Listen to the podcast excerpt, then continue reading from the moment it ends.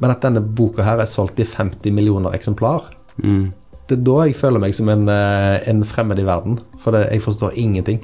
Hei og velkommen til Sølvbergets klassikerpodkast. Eh, dag skal vi snakke om 100 års ensamhet av eh, Gabriel Garcia Marquez.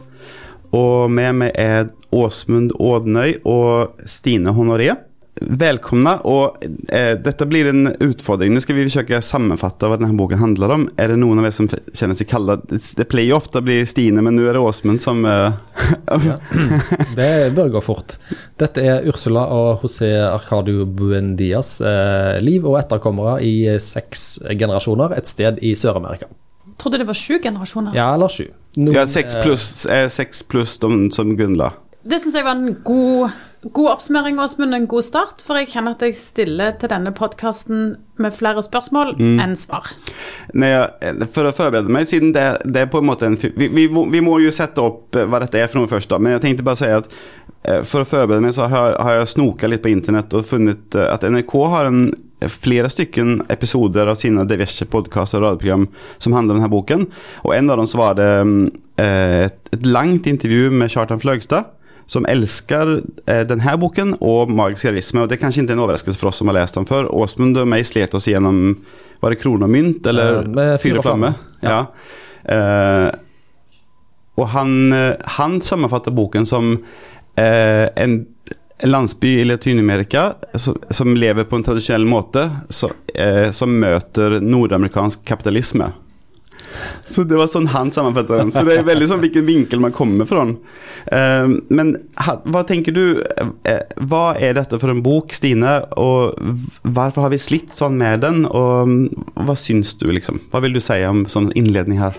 Altså, Thomas, spør du meg, så spør jeg deg Ja.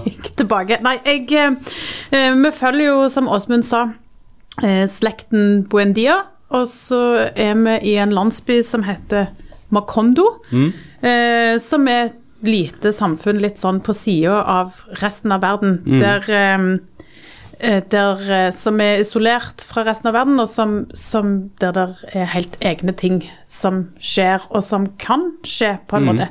Eh, og når du spør om hva den handler om, så ble jeg litt usikker, for det skjer jo noe hele tida her. Det, altså, det er så utrolig mange ting som skjer, eh, hver side, eh, hvert avsnitt, eh, men allikevel så Det er alle disse menneskene, det er alle disse tingene som skjer, men, men det er jo ikke noe sånn handling som drives videre på noen som helst måte. Det er veldig sånn episodisk, Ja. syns jeg. Eller Ja.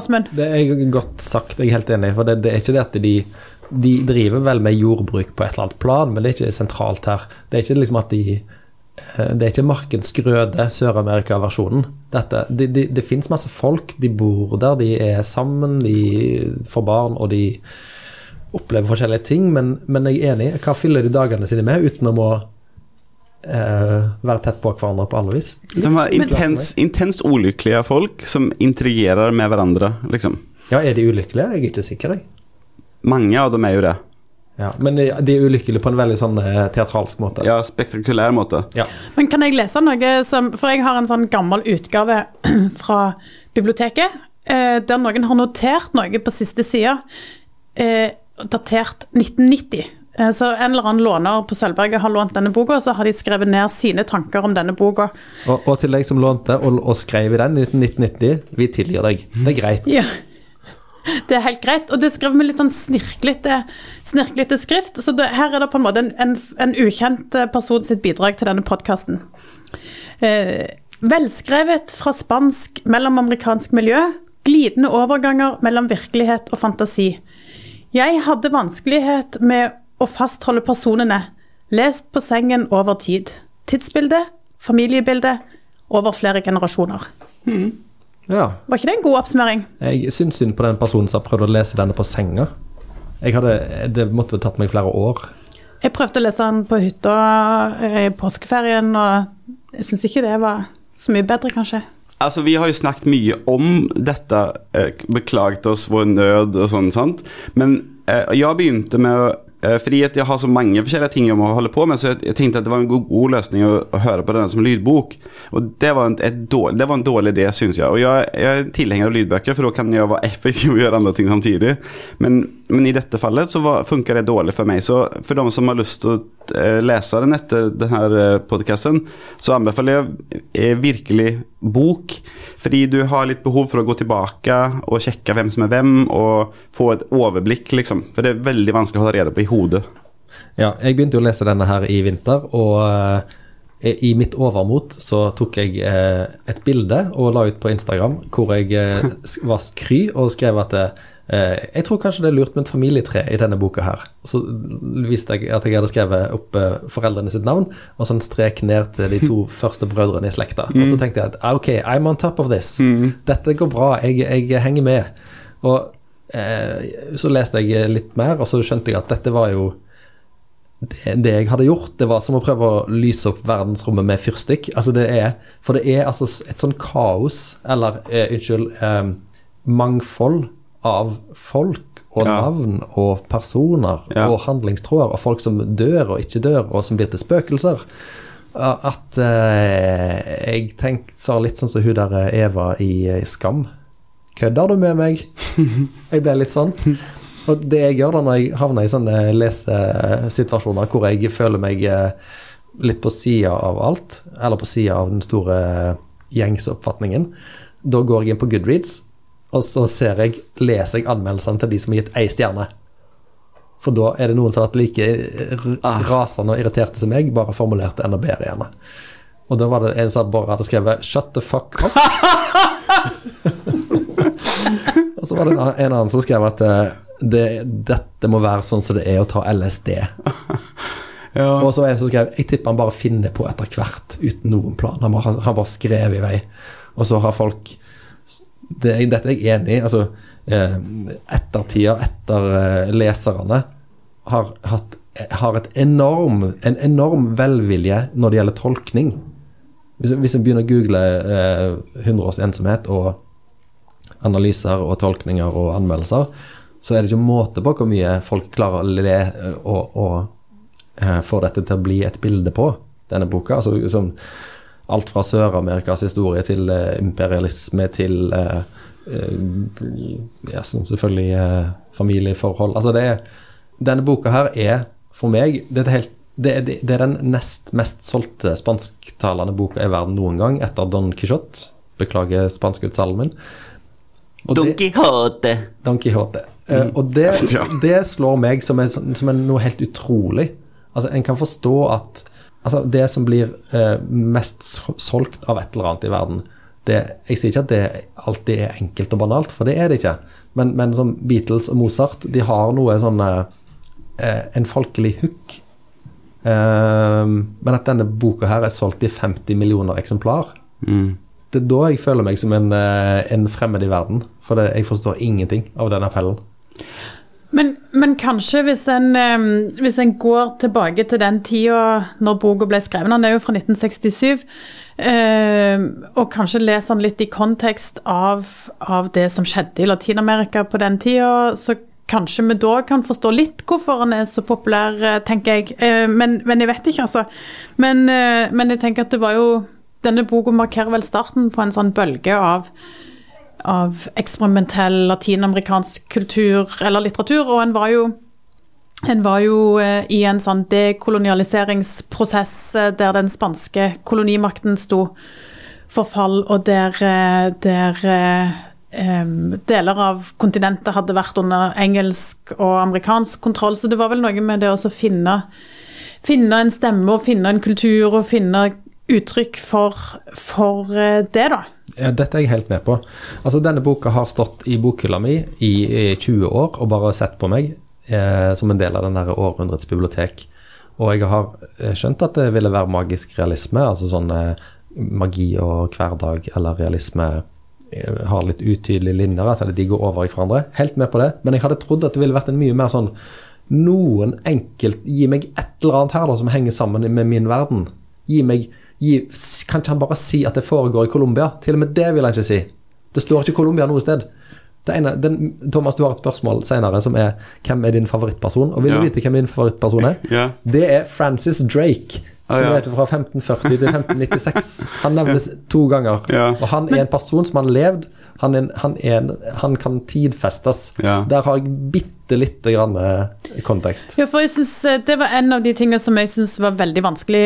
Det at, at boka mangler tidsperspektiv og geografisk plassering, eh, som jo jeg syns det var veldig vanskelig. For jeg òg hang meg opp i eh, at Francis Drake og Sir Walter Raleigh blir, blir nevnt flere ganger, og de levde på 1500-tallet, og så plutselig så driver de med sånn fotografi og daguerreotypier og sånn, og det er jo fra tidlig 1800-tall. Ja, så, så, så det var litt sånn Hvor er vi? Når skjer dette? Hva slags krig er det de snakker om? Hvilken revolusjon er det de snakker om? Eh, Jeg var veldig forvirra hele tida. Altså, jeg, jeg føler jo at jeg kanskje liker boken litt bedre enn jeg tror.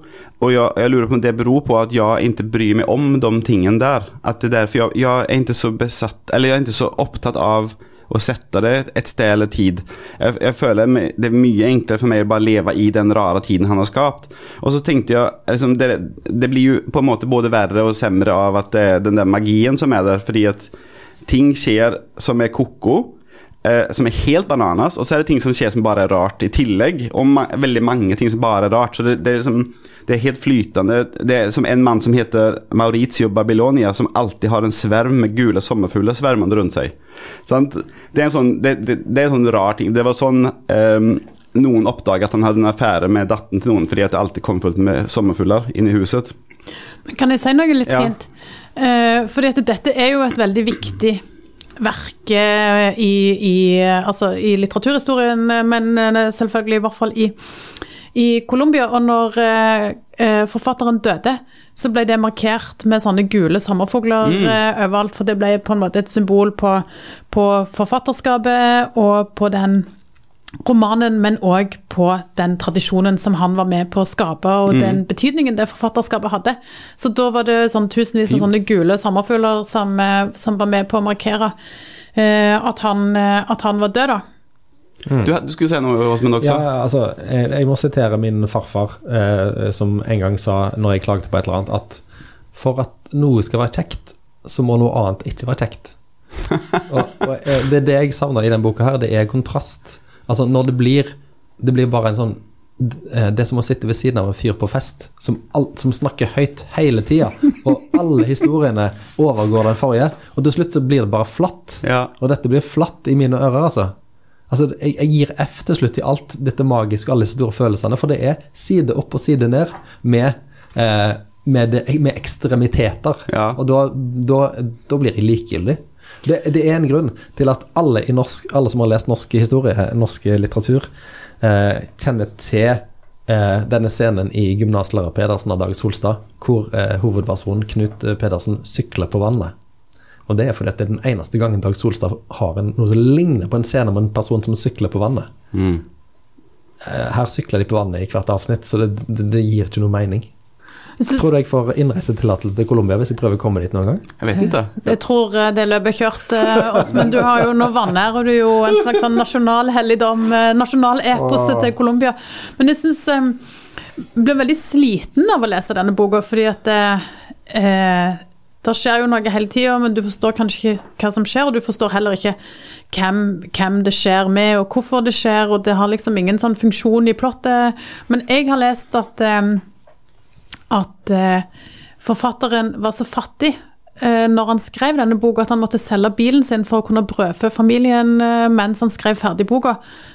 Så da slo det meg litt at kanskje det har noe med saken å gjøre, at han hadde det litt travelt og skulle lage et sånn stort, episk, magisk univers på litt korte tid. Ja, det, det er jo en ting jeg leser når jeg leser de en, anmeldelsene på Goodreads, at, at dette er på en måte eh, i det stadiet til noe som kunne blitt en stor roman. Altså det, dette er på en måte skissene som kanskje burde blitt gjort om til noe bedre. Men den er solgt i 50 millioner eksemplar, så vi kan ikke akkurat krangle med det.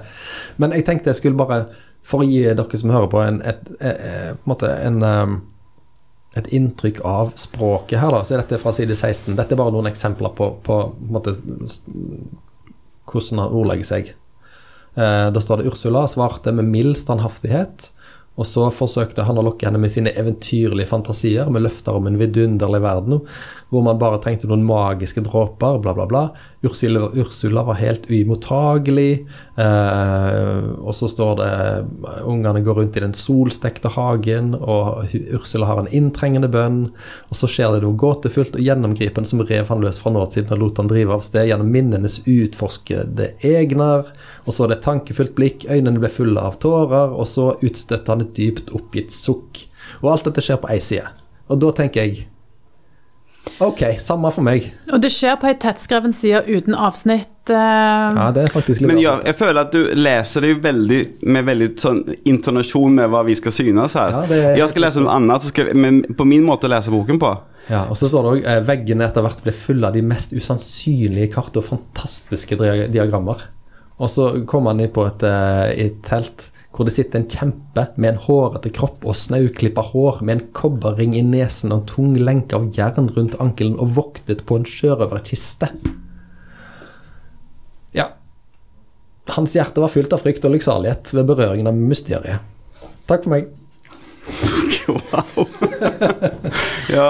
Du var veldig dårlig reklame for denne boka nå, Ja. men eh, Thomas, nå må du ja, jeg skal lese noe som gjør Ja. Altså sånn eh, Altså For det første, så når, vi har begynt, så, så sendte jeg en eh, første setning i boken er tydeligvis ganske berømt, eh, og den, begyn- den er sånn Mange år senere foran ekse- eksekusjonspelotongen måtte oberst Aureliano Buen, Buendia. Tenke på den ettermiddagen for så lenge, lenge siden, da faren tok ham med for å vise ham is. Og så tenkte men når man begynner det så tenker man at ah, ja, det er is, og det er sånn, eh, altså iskrem, men det er faktisk første gangen noen i byen ser is, altså frossent vann, og det er en sånn gjeng med om, vann, eh, vet dere, eh, resende som kommer innom eh, byen en gang i året eller noe og tar med seg sånne magiske ting. Det kan være eh, enten is, eller så kan det være en kikkert, eller sånn som det. Um, og så neste setning er Macondo var den gangen landsby med 20 hus og leire, og verden var så ny at mange ting ennå ikke hadde navn. Og skulle man snakke om dem, måtte man peke på dem. Og så Ja. En annen ting som jeg syns var veldig morsom, var at først så står denne setningen eh, Ekteskapet holdt på å ta slutt etter to måneder fordi Aureliano den annen i et forsøk på å formilde Petra Cotes lot henne bli fotografert kledd som dronning av Madagaskar. Og så er det en absurd setning, men så etterpå, liksom mange sider senere, får man en forklaring. Og da er forklaringen at Fernanda lot det gå to uker før hun tillot den første kontakten med ektemannen. Da dette tidsrommet var gått, åpnet hun faktisk døren til sitt soveværelse med en resignert offervilje som var svunne tiders soneoffer verdig. Og aurelianeren annen fikk se jordens skjønneste kvinne med strålende øyne, som et skremt dyrs, og det lange, kobberfargede håret uslått på puten. Så henført var han dette synet at det varte et øyeblikk før han oppdaget at Fernanda hadde tatt på seg en hvit nattserk som rakk helt ned til anklene, og med ermer helt ned til hendene, og med et stort rundt hull med tekkelige kantebånd på høyde med underlivet. Aurelianen anden klarte ikke å holde latten tilbake. Og så står det litt mer ting, og så kommer En måned senere hadde han ennå ikke fått sin hustru til å ta av seg nattserken, og det var da han lot Petra Cotes fotografere som dronning. Så Petra Cotes er liksom hans elskerinne, som han beholder gjennom hele boken. Uh, jeg, det, jeg, jeg syns dette er morsomt, bra skrevet og viser veldig tydelig hun, hun er jo på en måte en av de store negative faktorene i boken. Uh, hun uh, Fernanda. Uh, Fernanda. Ja. Ja, ja, altså, Det er mulig at min motvilje mot denne boka eh, er litt sånn sjølpisking over min egen eh, sviktende lesestyrke, kan jeg si det sånn? Altså, Jeg jeg, eh, kanskje, kanskje jeg ikke er god nok eh, En sterk nok leser til å ha konsentrasjon til liksom bare gjennomtrenge dette stoffet her. Det er liksom når, når vi leste eh, I forrige sesong så leste vi eh, 'Til fyr' av Virginia Woolf. Så måtte jeg jeg måtte ha helt sånn munkeaktig Mm. eh, tilstand rundt meg for å klare å konsentrere meg om det, den veldig fine litteraturen. Og kanskje er denne boka her 100 års ensomhet litt av det samme, at den må, må være utrolig på. Altså, Altså, eh, for, for, jeg, for meg så, så gikk ting i kryss, og jeg eh, Jeg jeg har jo jeg har to relativt små barn, og jeg har vært på eh, påskeferie med min frus galna familie i Danmark.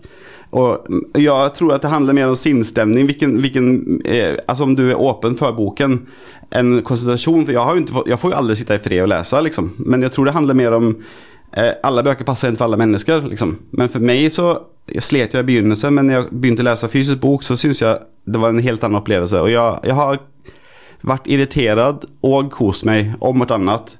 Og jeg føler at det er litt sånn at eh, Om man ser det sånn som at han mener at det handler om eh, Latin-Amerikas historie, f.eks. At det er sånn her med vilje. At eh, alle mistak blir opprepa, allting skjer om og om igjen. Eh, og så, eh, når, når vi ser på det her, Jeg har jo skrevet ut som familietre til dere. sant? Og så har jeg skrevet ut et annet med bilder på, og da ble det liksom ekstra tydelig at det begynner med José Arcadio Buendia og hans fru Ursula Iguaran. Og så får de masse barn, og så ender det med at den siste, eh, som også heter Aureliano, som heter Aureliano, får barn med sin tante. Eh, og den, det barnet dør, på en måte. Så familietreet går fra to mennesker ned til to mennesker fra samme familietre, og så slutter det. på en måte. Så det er som en avslutta historie som går om og om igjen. på en måte. Men jeg òg kjente at eh, min stamina som leser ble utfordra veldig her. eh, Ja. Og jeg klarte ikke å Jeg kjente at jeg fikk sånn eh, eh, utmattelse med en gang. Og bare det at du, Thomas, måtte gi meg et sånn familietre fra internettet for at jeg skulle prøve å holde tritt eh, med denne familien, det var liksom Det var litt mye for meg, eh, det kjente jeg. Mm. Jeg, jeg forstår det, og det, det viser seg eh, For mange år siden, når jeg var ganske ny på biblioteket, så hadde jeg en sånn ting med Mette eh, Langeland som jobba her. At, for jeg syntes at hun var teit som bare leste nye bøker, og hun var- syntes jeg var teit som bare leste klassiker. Og da fikk vi, bytte vi, så hun skulle lese ti klassikere, jeg skulle lese ti nye norske bøker. Og da var den her en av de bøkene, og jeg tror det var den som knekte henne. så det, jeg forstår at det er ikke for alle bøker, men, eh, for alle mennesker, men, men jeg har liksom likevel lyst til å forsvare den litt, da, for jeg, jeg syns at det Eh, men man må ha overskudd, liksom. Eh, man, må ha, man må jo ha en slags det, det krever mer enn en- vanlig bok. Det gjør det jo. Men jeg pleier jo ikke trenge å skrive ut familietre, og jeg har seriøst behøvd det på denne boken. Jeg har sittet med enten en, en annen skjerm eller med sånt for å se hvem som er hvem og sånn. Det, det har jeg gjort. Ja, jeg, men jeg er eh, genuint interessert i Sør-Amerika, Og jeg, jeg skulle strukket meg langt, jeg, for å lest ei bok eh, om et, en slekt i Sør-Amerika. Jeg bare føler at forfatteren er lite inviterende, da. Han Ja. bare rister meg av. Ja. Som en, som, en, eh, som en eh, liten tass på hesten, liksom. Jeg bare Jeg, jeg syns den er for ekskluderende i uh, tonen. Ja, for, Altså, En ting er liksom om uh, Hadde jeg nå kjent hatt masse, masse forhåndskunnskap, så kunne jeg sikkert uh, skjønt at den lange søvnen som de havner i, det er en, en, eh, et bilde på en eller annen eh, epoke i Colombias historie. Men, men jeg er ikke latinamerikaner, så jeg, jeg kan ikke sånt. Og, og dette med at de, disse gule sommerfuglene står de for noe, og denne massakren på torget ja, det er visstnok en eh, parallell til en, en massakre som har funnet sted, men igjen det, det, For meg så henger det litt sånn i løse lufta, og ja Det, det blir jo sånn verken fugl eller fisk, da. Jeg syns Eller boka fikk meg til å innse hvor lite jeg faktisk kan om, eh, om Latin-Amerika og historien og kulturen der, men, men jeg syns ikke at jeg Jeg syns òg at, at det var vanskelig å forstå det som han skriver, at jeg kjente at jeg trengte mer kunnskap. Kanskje, for jeg forsto jo, tror jeg, at, at landsbyen Macondo egentlig er et bilde på, på Colombia, og at det, um, at det er et sted som er kaotisk og uforståelig, men der magiske og fantastiske ting kan skje. Men, men jeg klarte på en måte likevel ikke å plassere det i, i sånn min kjennskap til, til kontinentet og til, til det landet og til forfatterskapet heller, for jeg kjenner ikke dette forfatterskapet fra før. Så det var mange sånn hull hele tida. Jeg forsto ikke om det var samfunnskritikk eller om det Ja. Ja. Jeg, jeg synes at eh, de som hører på denne podcasten-serien eh, fast har jo fått med seg at jeg er sånn notorisk overfladisk lesere. Og kanskje det er det som er eh, forklaringen til at jeg, eh, jeg, jeg, Ja, jeg føler at du kan lese denne boken på samme mm, måte som f.eks. Eh, Olga Tokarczuk, 'Løperne'. At det er bare en samling med fortellinger for meg, liksom. At eh, sånn som eh, De sender en problematisk jente på sånn kostskole, hun går på sånn klosterskole. Och så når hun kommer hjem på sommerferien, en sommer, så har hun med seg eh, fire nonner og 68 klassevenninner på besøk, som blir boende i huset. Og så eh, liksom forteller de sånne, bare sånne små detaljer som jo hadde vært et faktisk problem om du hade hatt 72 nye gjester i huset. Og det er til eksempel at det ble veldig lang kø på do på morgenen. Og at det ble langt opp ettermiddagen før alle hadde fått gå på do. Og da kjøpte de 72 nye potter som alle fikk bruke, men da ble det i stedet kø på kvelden fordi at alle skulle tømme sine potter på kvelden. da. Dette- Og jeg liker det. Jeg syns det er gøy. Og liksom, jeg, jeg, jeg, jeg, kan bare, jeg kan se det isolert som en absurd fortelling. Liksom. Jeg har, det, og jeg tror det er det som er forklaringen, at jeg leser det sånn. da.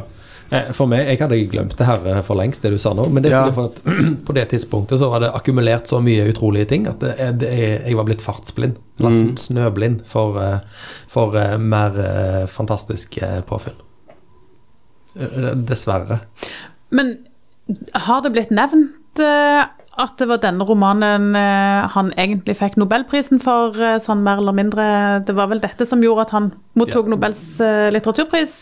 Jeg tror ikke de sa det i begrunnelsen, men det er nok en stor, stor årsak til det. ja. Ja. Så for nå sitter vi, vi nå, i hvert fall meg og deg, Åsmund, sitter jo her er veldig kritiske, men det er jo en nobelprisvinner vi snakker om her, Ja, så ja, ja. for all del. Det, det må en ikke underslå. Til hans forsvar. Til hans, til hans forsvar. Han trenger ikke forsvar. Herregud. Det er som om eh, Ja, nei. Altså vi kan se som, som et hint da, på en måte, så er det jo at for det første Når, jag sökt, när man søker på um, uh, 100 years of solitude family tree på Google så fikk man over 14 millioner treff. Så det er interessant, det er bare jeg som har sökt. Och i tillegg så er boken ikke filmatisert, og det er jo rart når den mestselgende spanske boken at att det er ingen som har klart å sette seg og lage noe ut av det filmatisk. Er det ikke film? Nei, Nei, men Netflix skal visst lage en serie, så de holder på med.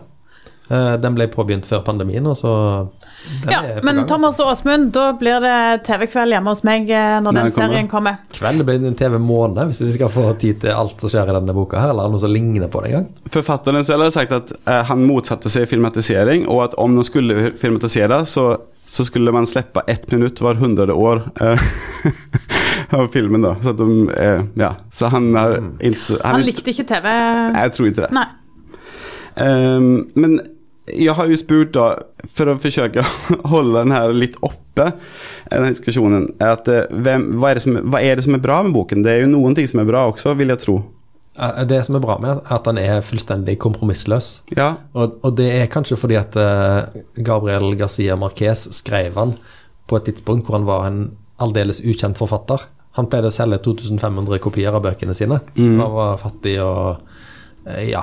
Dette var bare en, en samling med eh, historier som han hadde hørt i oppveksten, eh, og som han kjente godt til. Som han da brukte som basis for denne romanen. Så det er skrevet fra et outsider-perspektiv, og det er skrevet Kanskje den er skrevet uten noe særlig eh, eh, redaktørinnblanding, hva vet jeg. Altså, den, den den er ganske rå på den måten at eh, han eh, he does his, it, it does its own thing, som de sier på engelsk. Det, det er ikke noe sl- slepent med det. Nej, altså jeg, jeg jag føler kanskje at det var en sånn Eh, det var jo du som ville lese denne boken, Åsmund. Ja, det stemmer det. Og det var kanskje et dumt valg som første bok, for han, hans andre bøker er jo mer vanlige. Liksom. Dette er hans på en måte verste bok da. men, men eh, ehm, Ja, Stine? Ja, nei, jeg, eh, jeg syns um, Jeg liker på en måte tonen eh, i boka. Altså, jeg liker eh, at det spiller på en slags sånn muntlig fortellertradisjon, og det er litt sånn eh, innblanding av, eh, av myter og religiøse fortellinger og sånn skrøne historier og eh, heltesagn og eventyr. Altså, det er litt sånn Jeg liker, jeg liker tonen mm. godt. Jeg syns, eh, jeg syns det er en artig eh, fortellerstil, og det kan minne litt om sånn Kanskje litt om sånn islendingesaker òg, at det, det skjer mye hele veien. Det er mye folk, eh, og det er litt hektisk, men Men sånn er historien, liksom. Eller? Ja, eh, men hva betyr tittelen egentlig? 100 års ensomhet? Jeg har aldri lest ei bok med mer folk, og så er det Hva er ensomheten her? Er, hvorfor er de ensomme, og er det, er det hele byen som er ensom, eller er det Sør-Amerika som er avskåret fra verden. Jeg, jeg har ikke googla dette, så jeg bare spør. Altså, eh, de fødes jo eh, med en intens ensomhet, påpeker han ofte når det fødes, særlig eh, guttene. Kvinnene er ganske mann, mannefiendtlige, på en måte. Det er mange som, de, jo vakrere kvinnene er, jo, mindre, jo mer avvisende er de. En som heter Remedio den skjønne, som alle som liker henne, dør. Eh, på, alle, på absurde måter. Eh, og så Ursula Altså det, det er liksom stammoren her, da. Eh, hennes, hun, det står sånn at hun, hør, hun hørte sin første sønn gråte mens han fortsatt var i magen. Eh, de, de har noen slags De klarer ikke å knytte seg til andre mennesker på en meningsfull måte, selv om de bor i samme hus, og Ursula dør jo aldri. Liksom. Hun blir jo langt over 100 år. Eh, og Det er også en sånn interessant ting med henne, da, at hun gjenskaper familien hele tiden. At uh, hun uh, Ting blir verre og verre, og så får hun en ny giv etter 30 år, kanskje. Og så renoverer hun huset, lager nye vaner, inviterer nye folk. Og så går det nedover igjen, og så så det en sånn syklus i det også, da, at hun, at hun setter fart på, hus, på ting igjen. Og byen er jo òg et ensomt sted, eller denne landsbyen, for de er jo isolert fra alle andre. Så det er jo noe med et sånn lite samfunn som lever i ensomhet eh, i, i et land I eh, jungelen, som, på en måte. som I jungelen, ja. Altså i Colombia, eller hvor det nå Vi vet jo ikke hvor de er, men, eh, men eh, så byen er jo òg ensom. Ja, men de får jo besøk av eh, diverse oppfinnelser og disse omreisende selgerne, og tog kommer det, og Så de Men det er veldig få lykkelige fortellinger her. da Det er, sånn, det er mange mennesker, og de gjør galne ting, og de koser seg med fester og sånn, men det er veldig få som klarer å knytte seg til meningsfulle forhold, liksom forhold syns jeg. Det er, det er et forhold med hun eh, som jeg snakket om, han eh, Aureliano den annen. Som, hans forhold til Petra Kodde, som er hans elskerinne, som ikke han får lov å gifte seg med. Men de er jo sammen hele livet, på en måte. Og de er så fruktbare uten å få egne barn, at alle dyr som de eier, eh, eh, har så mye avkom at de nesten drukner i kuer og høns og sånn. Eh, det er jo en av de få lykkelige forholdene. Og så eh, en annen lykkelig, som bare får så vidt begynne, er jo eh, et forhold som et ungt par må ha i smyg, der mammaen til Det er hun Fernanda, det er samme dame igjen, da, som får han skutt, eh, den unge gutten, da. Eh, så han blir lam. Og, blir, og så blir hun, jenten blir sendt til et kloster, og det er hennes sønn som er pappaen til den siste eh, Aurel, eh. Og så- men den her, eh, det, I boken kalles de sigøynere, men vi, vi bruker jo ikke det ordet lenger. Men vi er usikre på hva jeg skal, hva jeg skal kalle dem. Men ehm, det er jo det er en familie som eh, Eller et, et, et følge som kommer, sant? og som har med seg magiske ting. Og det magiske ting kan som sagt være en, en isbit. Men han er også, han, sjefen for de eh, sigøynerne heter Melkiades. Og han, det viser seg at han har skrevet en spådom eh, om denne familien. Som, som begynner som Den første i ætten er bundet til et tre, og den siste blir spist av mauren. Så den første ætten det er jo han eh, José Arcadio Buendia. Han blir ga gal og blir bundet fast til et tre i hagen, og der står han i mange, mange år. Og så viser det seg egentlig det som var galt med han, var at han snakket latin. Og han, de binder ikke opp han likevel, han får fortsette å stå der og skal snakke med ham, eh, presten. Men jeg tenkte jeg skulle lese liksom sånn, et utsnitt av de siste sidene. For det, det er umulig å spoile denne boken, for det, det, er det er ikke en egentlig handling. Det, det er sånn som du sa, Stine, sånn episoder. sant? Så når han eh, løser profetien, da, så, så sier han sånn eh, Det var familiens historie, skrevet om Melkiades i den aller minste detalj for 100 år siden. Han hadde skrevet den på sanskrit, som var hans morsmål. og Det er derfor det tatt så lang tid å løse den. da. Um, så står det masse andre ting imellom, og så står det Melkiades hadde ikke ordnet hendelsene i menneskenes vanlige tid, men hadde konsentrert et århundres dagligliv, slik at alt eksisterte samtidig. Og det er jo også sånn følelsen du får når du leser boken. sant? Eh, Fascinert av denne oppdagelsen leste Aureliano høyt, ord for ord, de encyklikaer som Melkiades selv hadde sunget for Arcadio, og som i virkeligheten var forutsigelsen om hans henrettelse. Og han fant spådommen om at verdens vakreste kvinne skulle bli født og stige opp til himmelen med kropp og sjel. Det, det, også, det har vi glemt å snakke om en gang. Det er jo en dame som står og bretter va- vaskklær, og så plutselig så flyr hun opp i himmelen. Uh, og så er det masse annet her, så står det sånn men før han kom til siste vers hadde han allerede forstått at han aldri ville forlate dette rommet. For det var forutsagt at speilernes by skulle legges i grus av vinden og fordrives fra menneskenes erindring i samme øyeblikk som Aureliano Babylonia tydet den siste verselinjen, og at alt det som var skrevet i pergamentrullene ikke kunne gjentas fra en evighet til evighet, for de slekter som er dømt til 100 års ensomhet, får aldri en ny sjanse i verden. Jeg syns det er fint. Åsmund kan- å sitte stille mens jeg leser det.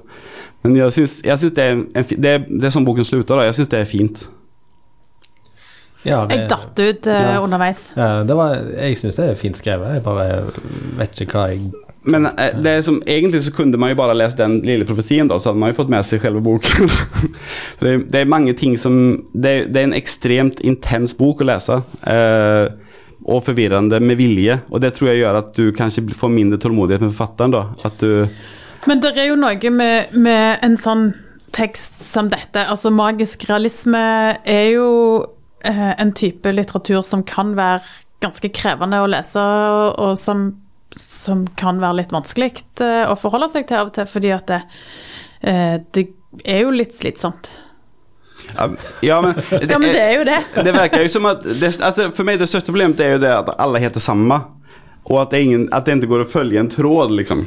Eh, det, det gjør at den, at den blir krevende. krävande. Men jeg har jo ikke problem med at, at det skjer uvirkelige ting. Men, men derimot at, eh, at eh, alle heter Arkadio eller Aurelio. Men jeg syns For jeg, jeg kan godt like magisk realisme og kan synes at det er kjekt. eh, eh, og noen av mine favorittforfattere skriver innenfor den sjangeren. men, men jeg bare For jeg liker, jeg liker det at du har blanding av det av det sannsynlige og det usannsynlige, og det groteske og det burleske og det tragiske og det komiske. Jeg syns det kan være uh, veldig fint, men jeg vet ikke om jeg syns det var så kjekt akkurat her. Uh. Men jeg har òg Jeg uh, lest at Marques sjøl ikke ville definere denne boka som magisk realisme, eh, og det er litt spesielt, fordi han ble jo regna som eh, som et sånn hovedverk innenfor sjangeren, eh, men, men eh, eh, i den takttalen til nobelprisutdelingen så sa han at, det, at eh, den latinamerikanske virkeligheten i seg sjøl er fantastiske.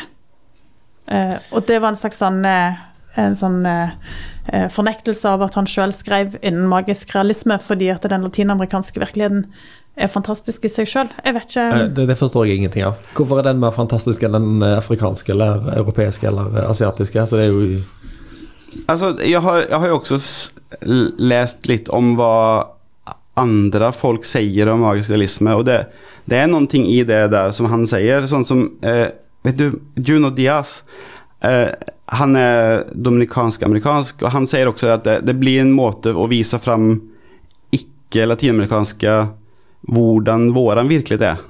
Eh, og um, Altså, og at en som heter Nee Parks som sier, fra Ghana, han sier at det er en måte å vise Vesten på hur en annen typ av verklighet än det de Vesten har da.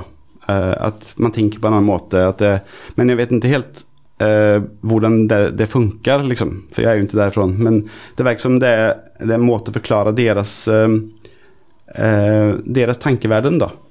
Ja, for jeg syns det, jeg det er kjekt at det skjer magiske ting, og at, at en prest kan sveve i lufta hvis han drikker sjokolade, eller hva det han gjør, og at, at det er alkemi og overtro og spøkelser som kan snakke, og alle de tingene der. Men han kunne jo kanskje roe ned litt, sånn at du fikk en sånn, sånn pustepause innimellom. Ja, det var det jeg prøvde å si med, med Dag Solstad-innspillet mitt, at det, eh, det blir litt eh, mye Møllers tran. Altså, jeg husker når vi, når vi spilte inn den eh, Fyr og flamme så var jo du mye mer positiv enn hva jeg var. Og jeg føler at jeg kanskje har blitt mer positiv fordi at jeg føler at noen må forsvare denne boken. Men jeg har jo kost meg. Men jevnført med Dag Solstad så var det i hans Den fyra flamme så var det kanskje én ting der også som skjedde at noen som svevde, eller noe sånt. Ja, eh, Fløgstad sin Fyr og flamme. Ja. Ja, det kan godt være. Så det er mer det at her så skjer det sånne ting hele tiden. da. Det, det er bare en del av deres virke, og ingen setter spørsmålstegn ved det. Liksom. Nei, men det skal en ikke gjøre. Nei, nei. For hvis det er magisk realisme, så kan du ikke begynne å, å eh, stille kritiske spørsmål til det som skjer. Men, men det er bare eh, Det er bare for mye.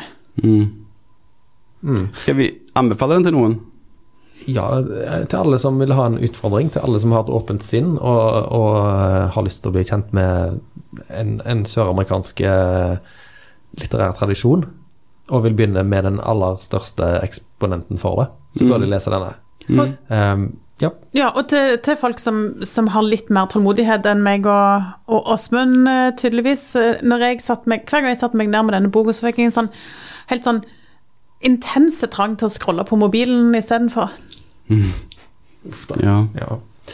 Jeg, jeg gjorde det. Jeg, jeg har sprunget to maraton i mitt løp, og det er ganske kjekt fram til sånn ca. 25 km. Og det som skjer da, at eh, da begynner løypearrangøren å sette opp eh, hyppigere kilometertegn. I begynnelsen så står det bare eh, sånn, du har nå løpt 5 km, du har nå løpt 10 km, 15, 20, 25. Men, men jeg tror fra, i hvert fall når jeg sprang i Stockholm, fra 25 til 42 km så står det for hver kilometer står det 26, 27, 28, 29. Og til slutt så er det bare de en ser på. Eh, en ser ikke på folk, en ser ikke på løypa, en bare, ser bare på kilometertegnene for å vite at det faktisk går framover. Og den følelsen kom tilbake til meg når jeg leste denne boka her, og bikka side 200. Da, jeg, da så jeg like mye på sidetallene som på teksten. Bare Ja. for, ja, det går faktisk framover. Jeg, jeg nærmer meg faktisk slutten av denne boka. Ja, jeg hører hva du sier. Jeg, jeg føler jo også at uh, utgiveren kan jo hjelpe til med å lage For det, det, boken er ekstremt tett også, og det de, de, de kunne ha laget det sånn at det var litt blanke ark imellom, eller halve sider og sånn. Fordi det blir en vegg av tekst, på en måte. Og det, det hjelper jo ikke uh, for opplevelsen. Og et familietre kunne de godt uh, inkludert. Ja, helt klart. Men det måtte jo brettes ut ganske stort, da. Så, Jeg følte meg, eh, siden vi er på 1967 her, så må jeg trekke fram et sitat fra 1965 fra en amerikaner som sa Something is happening here and you don't know what it is. Do you, Mr. Jones? Og jeg følte meg som Mr. Jones Ja. når jeg leste denne boka. her Det skjedde greier, men jeg skjønte ikke hva det var. Jeg kan si som eh, en avslutning da er at eh, sønnen til eh, grunnleggeren, som heter eh, Oberst Aureliano Buendia, han har 17 sønner, I tillegg til sine legitime sønner, som det heter i boken, da, så har han også 17 andre sønner med 17 forskjellige damer, som alle sammen heter Aureliano. Så det kan jo, og de, alle sammen de dør i løpet av en uke eh, fordi at noen dreper dem. Og det er lett å finne dem fordi de har et kors i pannen laget av aske som ikke går å vaske vekk. Eh, det var vel en lokkende avslutning på denne podkasten. Tusen takk for at ni ville være med, og eh, jeg håper at neste gang så blir det Hva er det neste gang? Er det fred? Ja, vi skal vel snakke om fred Ja. neste gang, ja. Mm. Vel, velkommen tilbake neste gang. Ha det.